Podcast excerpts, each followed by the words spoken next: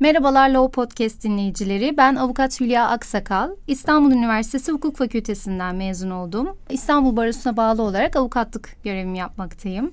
Kendi kurduğumuz Aksakal Hukuk Bürosu'nda eşimle beraber çalışıyoruz. Aynı zamanda Marmara Üniversitesi Özel Hukuk Yüksek Lisans Programı'na ve İstanbul Üniversitesi Adli Tıp Yüksek Lisans Programı'nda da eğitim aldım. Bilişim hukuku alanında birçok dosyamız, birçok çalışmamız oldu. Bu konularla alakalı bu yayına katılmaktan dolayı çok mutluyuz. Merhaba sevgili o podcast dinleyicileri.